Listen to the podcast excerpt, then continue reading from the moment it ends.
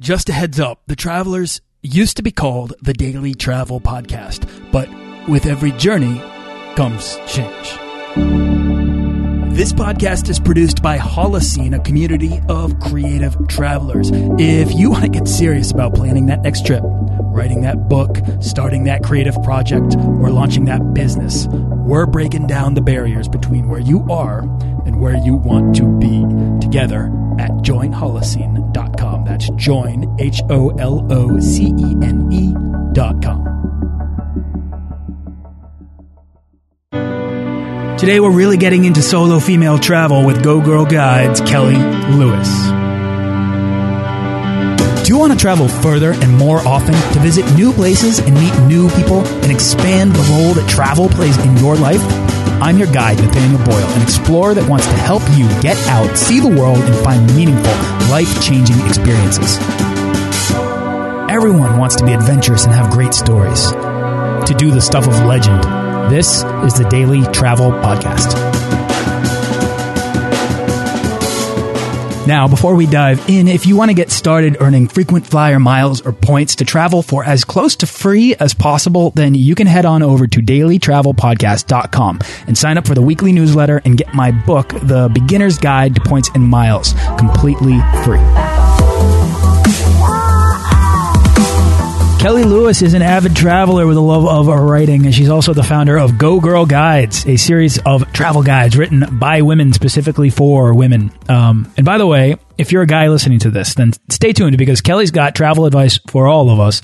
Uh, I'm definitely putting her through the lightning round at the end, and I expect to learn a lot about solo female travel through this conversation, which is a subject that I think it's important for everyone to understand how to approach as something that's more nuanced than just an issue of fear. Um, so after uh, growing up in Hawaii, Kelly spent time in New Zealand, the South Pacific, and South America, and has since been to, correct me if I'm wrong on this, Kelly, but six of the seven continents. Six of the seven. Boom. Just waiting for Antarctica. yes, me too. Well, I, I, haven't been to all six yet, so we'll we'll get there. Anyways, uh, you write about your travels on your blog, uh, Travel Bug Juice. Uh, Kelly and I ran into each other in Mexico, and I'm excited to bring uh, to the show what it is that she's doing, which is encouraging and empowering women to experience the whole wide world. So, Kelly Lewis, what is up? Thank you so much for spending some time with us. Thank you so much for having me. This is so much fun. Awesome. All right. So, I gave a brief overview, but if you could tell us about uh, yourself, who you are, and how you got started traveling. Sure. So, I actually didn't start traveling until after I graduated college. So I was kind of a late bloomer when it comes to um, traveling. You know, I grew up in Hawaii on an island, and my family weren't really big travelers, and it's also kind of hard to leave Hawaii when you grow up there. So I always wanted to travel um, and never really could figure it out until after I graduated. Um, from the University of Arizona. So I graduated and then I moved to New Zealand for a year and I worked as a Lord of the Rings tour guide. No way. Yeah. I love it even like I'm not even like a huge Lord of the Rings person, but um, it was so much fun. And then after that, I went to South America and backpacked South America. And right around then, I started a travel blog. This was probably around 2007, 2008. Um, it was called Travel Bug Juice, and it was just something small that I wanted to do because I graduated with a degree in journalism.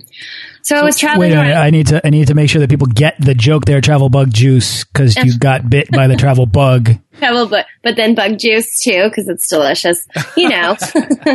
um. So yeah. So I started that, and it it was pretty small, but this was also kind of back before the travel world exploded in a lot of ways. You know, there was there wasn't that many players in the blogging world and uh, we all kind of knew each other. So um, I got to know a lot of people that way. And then when I was traveling through South America, I started noticing all of these things that I just kept saying to myself, like, man, I wish that I had had a girlfriend to tell me that.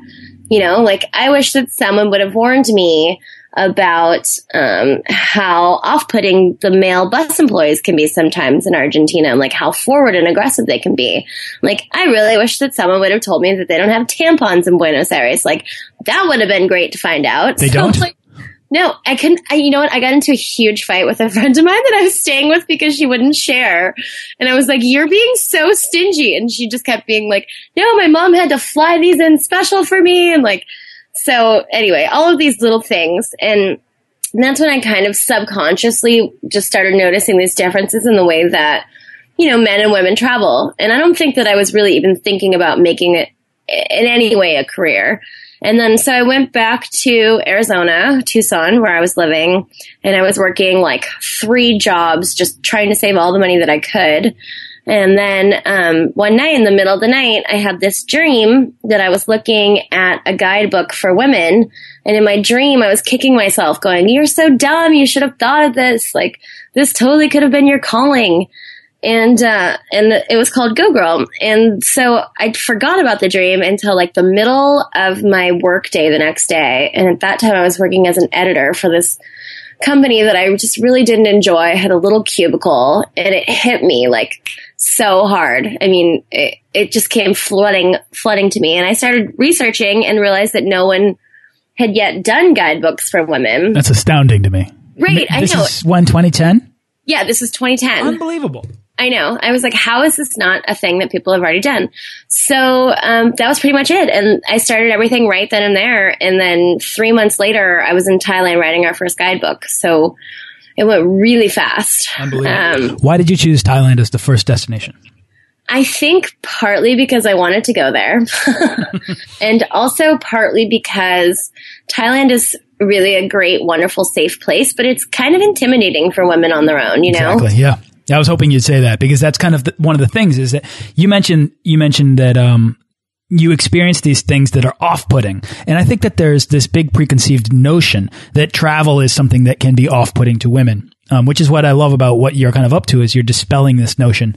Um, and and Thailand to me is is a place that I think a lot of people are intimidated by because there's something about Southeast Asia to people that have not been to Asia that is extremely foreign, and that that that simple difference is enough to intimidate and overwhelm. Uh, but in in reality, it's an actual it's actually a very accessible place to go and travel and learn how to become an independent traveler. Completely. I mean, for us, it was a great. I always say us as in Go Girl, but really, I mean, really, it was me making these decisions. um, but for Go Girl, it was a good choice because Thailand is such. It really is such a a great place for solo travel um, because it, it, really is safe and the people are so kind. But there are elements to Thailand, you know, like the sex industry, and um, there's just a lot happening in places like Bangkok that can be a little bit nerve wracking if you've never traveled solo. Yeah. So it was awesome, um, and it took us, it took me and a photographer about nine months. So we traveled around for two and a half months. And then the editing and layout process took another oh six. So it was about it's like having a baby. Every time we do a book, it's like having a child. Oh, it's so cute. I know. and but, then nine months later, our little Thailand book was born. that's amazing. So when you released the first book, how did you go from just idea and all of this work to actually launching it and putting it out there? I still don't even know. like, honestly, a lot of it was just trial and error because my background is in journalism. So my my strengths is, is writing and editing. Like that's where I feel really comfortable. But I had no idea about publishing and how to choose page thicknesses and you know different types of printing and all of these sorts of things so i just had to do a lot a lot of research and i got really lucky um, i met with a lot of really wonderful people who knew the industry a lot more than i did um, and I, I mean it's still a learning process like now, four years later, we have six titles. We've done um, Thailand, Argentina, Mexico, London, New York, and Costa Rica, which is about to come out. And Go Girl has grown so quickly, and now we have, you know, we have a team of about, I'd say currently about 20 writers who write for us online. Um, and most of them came because I put a call out on Travel Bug Juice just saying, I've got this idea, I need writers. Um, and a lot of these women, you know, I couldn't pay in the beginning and they were just really on board with the cause. And now I'm really happy that I can. Um, so it's been definitely a process because you know, when you first start out and you don't know much about publishing, it's kind of easy to think like, well, you create a book and then bookstores buy it. But there's so many steps to, from creating a book to getting it into bookstores that, I mean, it's really a process. So, so I'm, I'm curious when you when it when this idea when the idea for Go Girl Guides hit you, mm-hmm. what did you see? What what's your and has that vision changed since uh, since you got started? Um, you know, in the actual dream itself, I was looking at a guidebook from Mexico, um, and I saw a lot of hot pink, which is our our color, and so kind of like, you know, I work with really amazing designers. They're Hop and Jaunt. They're incredible. They've been with us from the beginning. They do all of our books, all of our websites. Um, so I think when I came to them initially and told them, like, they really made it come to life because I had an idea and then we went through so many different logos and, you know, website ideas until finally they sent it and I was like, that's it. so, um, that it was a, a serious process. And I think now, you know, in the beginning when I was writing this book, when I was writing our Thailand book, it was just a matter of us, me, going around um, to different cities in Thailand and kind of just jotting down notes like, well, there's only an ATM. That's probably pretty good to know. Or, you know, um, you really can't get buses here after 6 p.m. Like we should tell people that. Things like that. Uh, and then we also kind of included, so our books are really different because I always wanted them to be full color. Um, and they're beautiful. They are all full color. And I wanted them to be really easy to read because I was really tired of the small gray 10 point font guidebook. Yeah, that's a pain. You know? Yeah, and I wanted a lot of photos because that's what gets people excited. So all of our books are full color. We have a ton of photos in all of them. And then, so in the beginning sections, uh, of the books, there's always a health, a safety, before you go culture and customs, that kind of content. And in our health content, we always, uh, we list women's health clinics in different countries. We interview local OBGYNs. We talk about birth control and, you know, terminating pregnancies and things like, you know, very real things that women have to deal with. And then, um, our safety section is always really great too because we're on the ground telling you these sorts of things, you know? Uh, and then in the end of our book, so then we have city content, which is more or less like any other guidebook, um, except it does like each of our city content has a little bit of a shopping section because we, uh, I want to know where all the great markets are. So that's kind of what we focus on is like cool markets, cool stores, cool things that like aren't really malls. Um, and then in the end of each book, we have a free or low cost volunteer section, which I think is really important um, and is also a really great way for women to travel safely around the world. And we have a food and recipe section because uh, it's fun to have these different recipes that you can try when you're getting excited to go to Thailand. So we sort of came. I mean, I, these ideas were not typical of guidebooks, you know. Um, but that's I think what makes it so different and so great is that you have a lot of great content, but also something new. And for men, because I always have men saying like, well, why do you just do guidebooks for women? And what can I get out of it? And I'm like, well, you can find out where all the women are going. oh, valuable insight. There you go. What are your best sellers? That's, that's the question for guys. Yeah. I like so- that the books address the anticipation. That recipe thing is kind of a cool idea because it really does, it not only does it prepare you, but it, it gives you something to do up until the point of departure, which I, that, you know, I mean, I think we should all be embracing that sort of excitement to, to, to step on the plane and get going.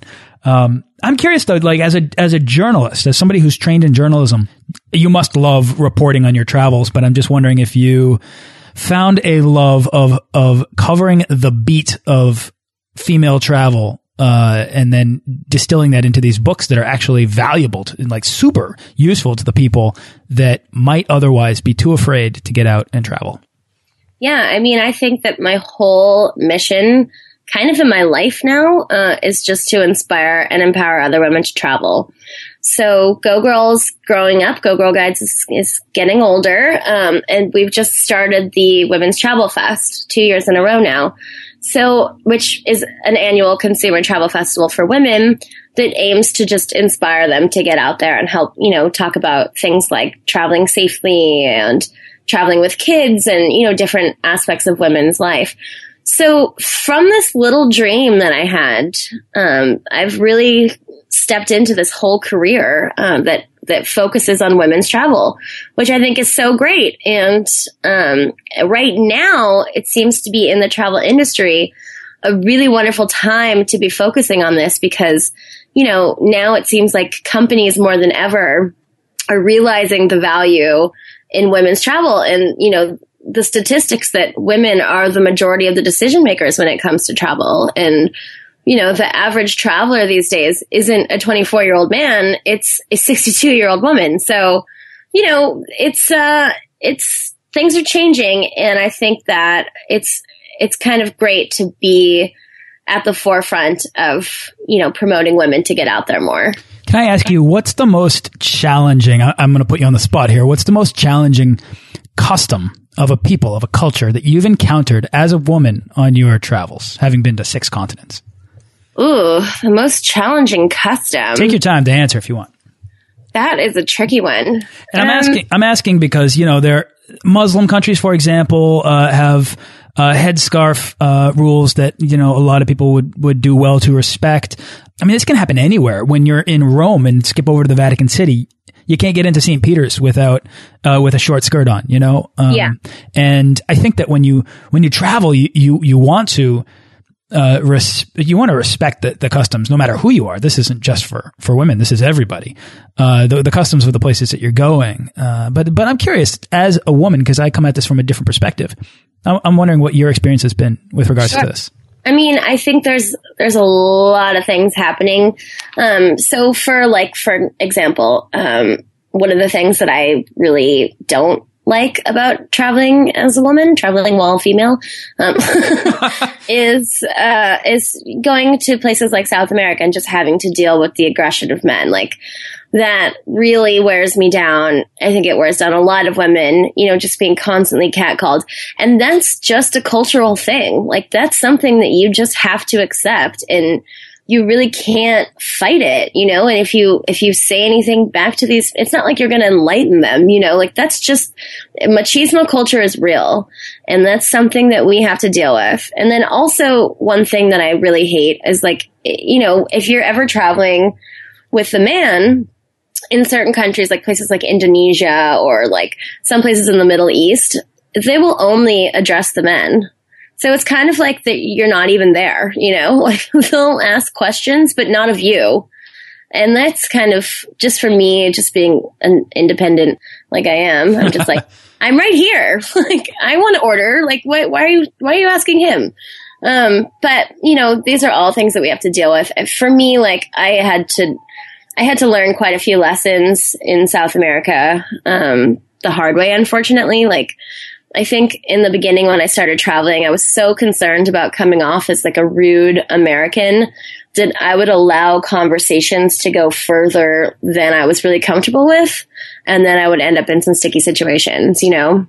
particularly with people with men who work on the buses because you're on and and that's something that we always talk about in our Argentina guide is like you're on a bus for 28 hours sometimes you know going from Buenos Aires to Bariloche are really long stretches Argentina's huge and the buses are great but like you if you're there by yourself you know you really there's no place to go do you have a story there I have, I have so many stories, but none of them are really, none of them are really great. They're just like, they're horrible. Like, you know, I, the first time I was in Argentina, I got into this situation where this bus employee was, you know, he was really nice to me and he moved me to like the really nice seats. And I was like, thanks so much. But then, you know, when I was sleeping, he came up to me and pretty soon he was like pushed up against me. So I was against the window and I was like, get off of me. And he kept being like, te amo, te amo. And I was, you know, and I had to be really forceful. And then I had another situation where I was on a bus with two other people, actually, one guy and one girl. We were traveling and this bus employee kept talking to me, looking at me, and I was like, I know where this is going. And sure enough, I caught him spying on me through a bus, a hole in the bus bathroom. oh which God. Awful. Like that, that was almost more. That's beyond, uh, that's beyond right. cultural difference right there. That was like almost more invasive to me than someone actually touching me because, you know, it's just gross. Like, and I, I had, there was a hole in the door and I remember thinking like, wow, somebody could really like look at you through it. So I put my eye to it and his eye was on the other side of it. It was so. I'm sorry. I don't mean to laugh. That is so strange. It's Squirrely little odd- eyes. No, I know. And I freaked out. I freaked out and I woke up everyone on the bus. It was like two o'clock in the morning. I made this whole big stink about it. And everyone, Yeah. all the, all the, everyone that works at the bus was like, are you sure?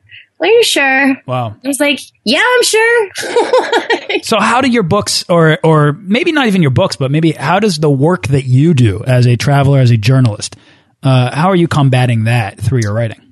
knowledge is power you know i mean we we just that's the thing is like sometimes i feel like in this in the line of work that i do i feel that i constantly have to toe the line between fear mongering and empowering because sometimes some of the stuff that we talk about is scary and sometimes bad things do happen when you travel but we're trying to inspire people to get out there and talk about these things so that they don't happen to them you know and by and large, I believe, and Go Girl believes, that the world is largely safe and people are mostly good.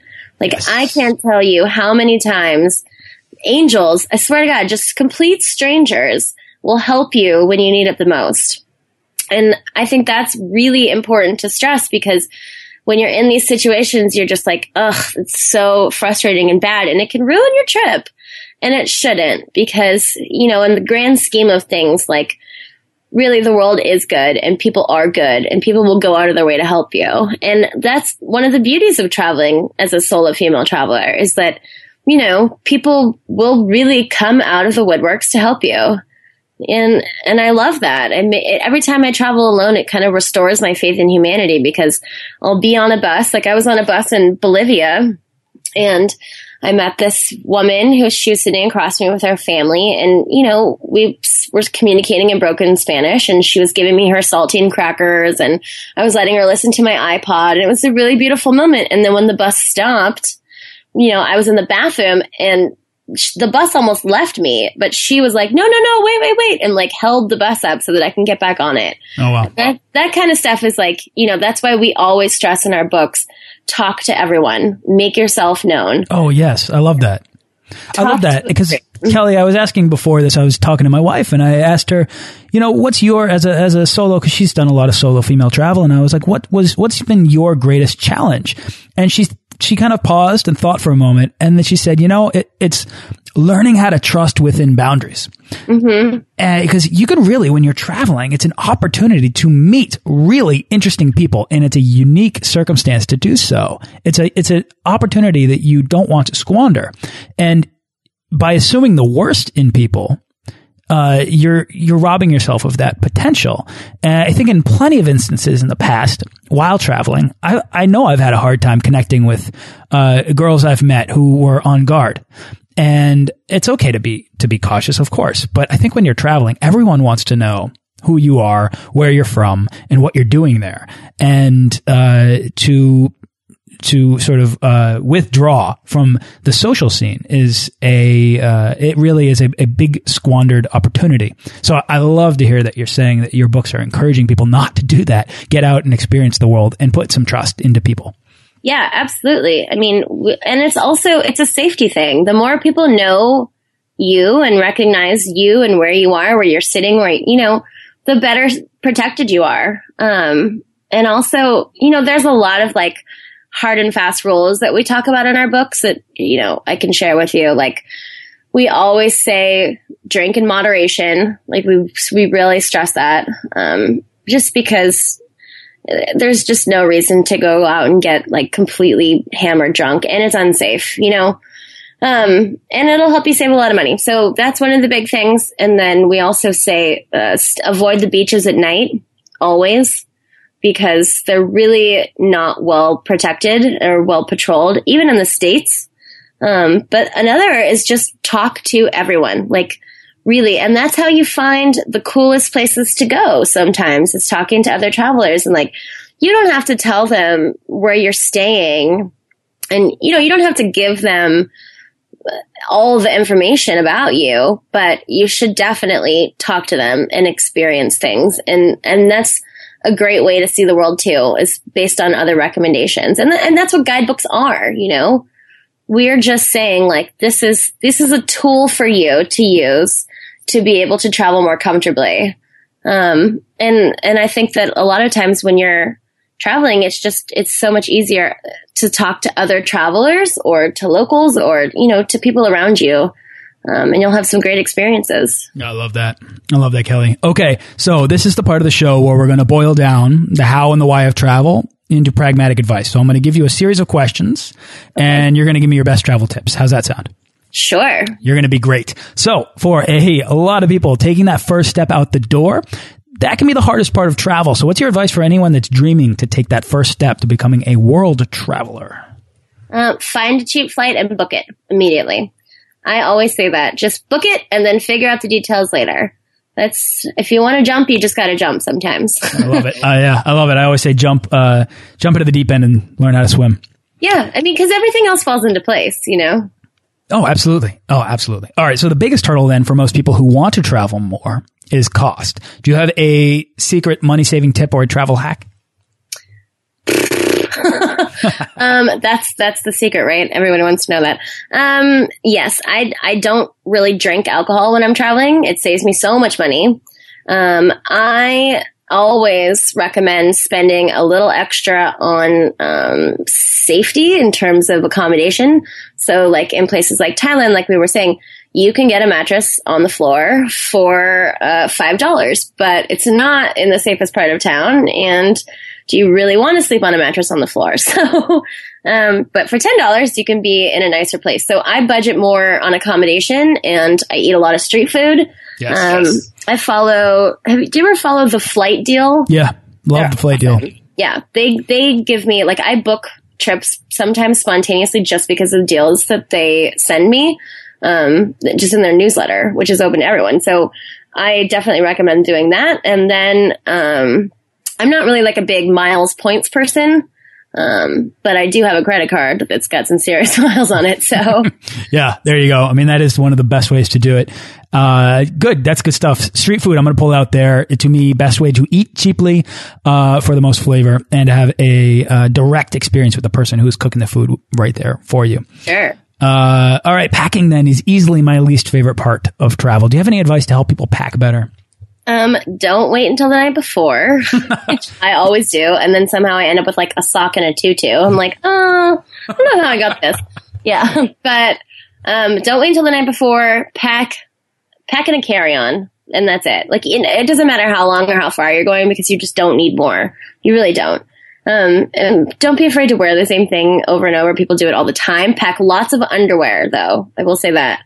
My backpack and my suitcase are always mostly underwear, and then like four shirts and a couple pants. yeah, you know, once I got into the habit of the carry on only, I can't go back. I can't check check luggage. I would rather struggle to find a place to launder clothes than check luggage at this point. And yeah. Me uh, too. Uh, it's so hard to convince people, I think, to get past that threshold, but it really is a game changer. Mm-hmm. Uh, all right. So, do you have a favorite internet travel you tool? You just don't need all that stuff. No, we don't. We don't. Absolutely not. but I think that we believe that we do. You know, I mean, uh, my mother's going to Spain next week, and she, I had to talk her down from like five pairs of shoes. You know, down to, to I'm like, I'm like wear a comfortable pair of shoes and wear a, uh, you know, a going out pair of shoes. Uh, do you have a favorite internet travel tool or resource? internet travel tool resource. Um, and I have to say the flight deal. Yeah, I. I love them. I love them so much. They're so great. Um, I use. I also search Expedia a lot, and um, I, I'm pretty big into flexibility when it comes to travel. So I look for the best deals, not necessarily the best dates, and then I just kind of fit my life in around it. Nice, absolutely. Do you have a favorite piece of travel gear that you take everywhere you go? Yes, I always take a sarong and a scarf because a sarong can be a towel, it can be a blanket, it can be so many things, uh, and I use it's probably the item that I use most in any of my travels. I love that. Uh, yeah, and scarf. uh, yeah, it's really multifunctional. I think that um, somebody once said that the hooded sweatshirt was like the sarong for guys Mm-hmm. So it, just because it can be a pillow, it can be a blanket, it can be incognito gear when you need to cover yourself up and walk down the street in the middle of the night or something. Uh, Kelly, what's last question of the round? What is the weirdest thing you've ever eaten? Um, crickets. Yeah. But that's not that weird. I feel like people eat crickets. It's Uh, it's going to be plenty weird for a lot of people listening. um, I've eaten uh, dead sheep cheek in South Africa. That was kind of weird. There they call go. it smiley. That's pretty odd. They just like take the head of a sheep and put it on a fire, and that was kind of strange. Um, what else? Uh, I think I ate monkey brain at some point somewhere around the world. That would win, that would win in my book. Monkey brain would win in my book. I'm pretty adventurous when it comes to eating. I just, uh, I, I don't know. I don't know. I'm not, I'm not like, uh, I'm certainly not Andrew Zimmern, but I, I'll try everything. Just don't tell me what it is. Like, just give it to me and I'll, I'll taste it. And if I like it, then tell me what it is. Oh, I'm right there with you. Yeah. Uh, Kelly, is there anything else that you'd like to share about anything that we've talked about today before we wrap up?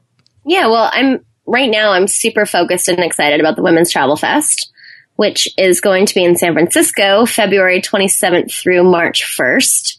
And um, the Women's Travel Fest is such an amazing event. Its second year is this is this upcoming 2015 festival, and last year, its first year was in New York, and it sold out, and it was amazing. We had Samantha Brown from the Travel Channel there, and Sarah Shourd, who is one of the hikers who spent, you know, 410 days in solitary confinement in Iran when they were hiking in northern Iraq a few years ago.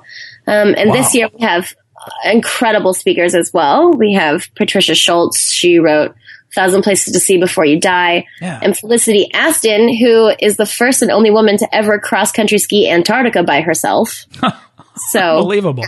yeah, she's amazing. Wow. She she was out there for 60 days and she says for like the first 16 she just couldn't stop crying. Like she would just cry all day when she was skiing. I, I'm so excited to hear her talk. It's going to be so great. You know, women, women or men aside, she's my hero. That sounds amazing. Right? I know. And she's such a, she's just such a like, uh, she's such great energy and such a great person. So can't wait for that. We also have, uh, Paula Froelich, the editor in chief of Yahoo Travel, and Julia Cosgrove, the editor in chief of Afar.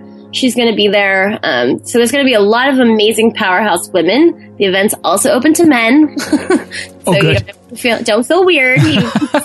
Just come and be surrounded by like 400 women. It'll be great. It's a great deal. Uh, that sounds amazing, Kelly. Congratulations on getting that together and having some amazing people showing up.